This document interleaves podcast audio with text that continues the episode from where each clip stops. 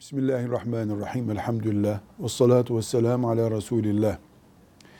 Kadının bir daha doğum yapamayacak şekilde kısırlaştırılması haramdır. Kadının kısırlaştırılması ancak kadın açısından hayati bir tehlike söz konusu olduğu zaman gerçekleşebilir. Eğer kadın tıbbın kesin kararıyla e, mevcut o sıkıntısı devam etmesi halinde ölümcül veya sakat bırakıcı bir hastalıkla karşılaşacaksa kadına kürtaj da yapılabilir. Kadın kısırlaştırma ameliyatına da alınabilir.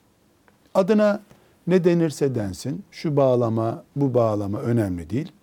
Kadında Allah'ın yarattığı tarzı kökten değiştirecek tarzda yapılan her ameliyat caiz değildir.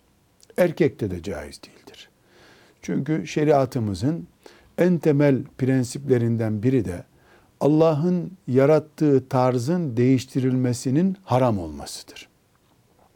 Kadınların belli sağlık nedenleriyle ki bu sağlık nedeni ölümcül olmak veya sakat bırakmak veya mesela e, bir nabız problemini ömrünün sonuna kadar e, tehlikeli bir şekilde yaşamak veya işte tansiyonunun sürekli yüksek olması, bunun da felç tehlikesi ihtiva etmesi gibi bir nedenle kadın kısırlaşma ameliyatına girebilir.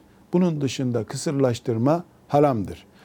E, aynı şekilde bir kadının rahmindeki çocuğa e, operasyon yapılması yani kürtaj yapılıp çocuğun alınması da yine kadının sağlığı açısından e, bir tehlike söz konusu olduğu zaman caizdir.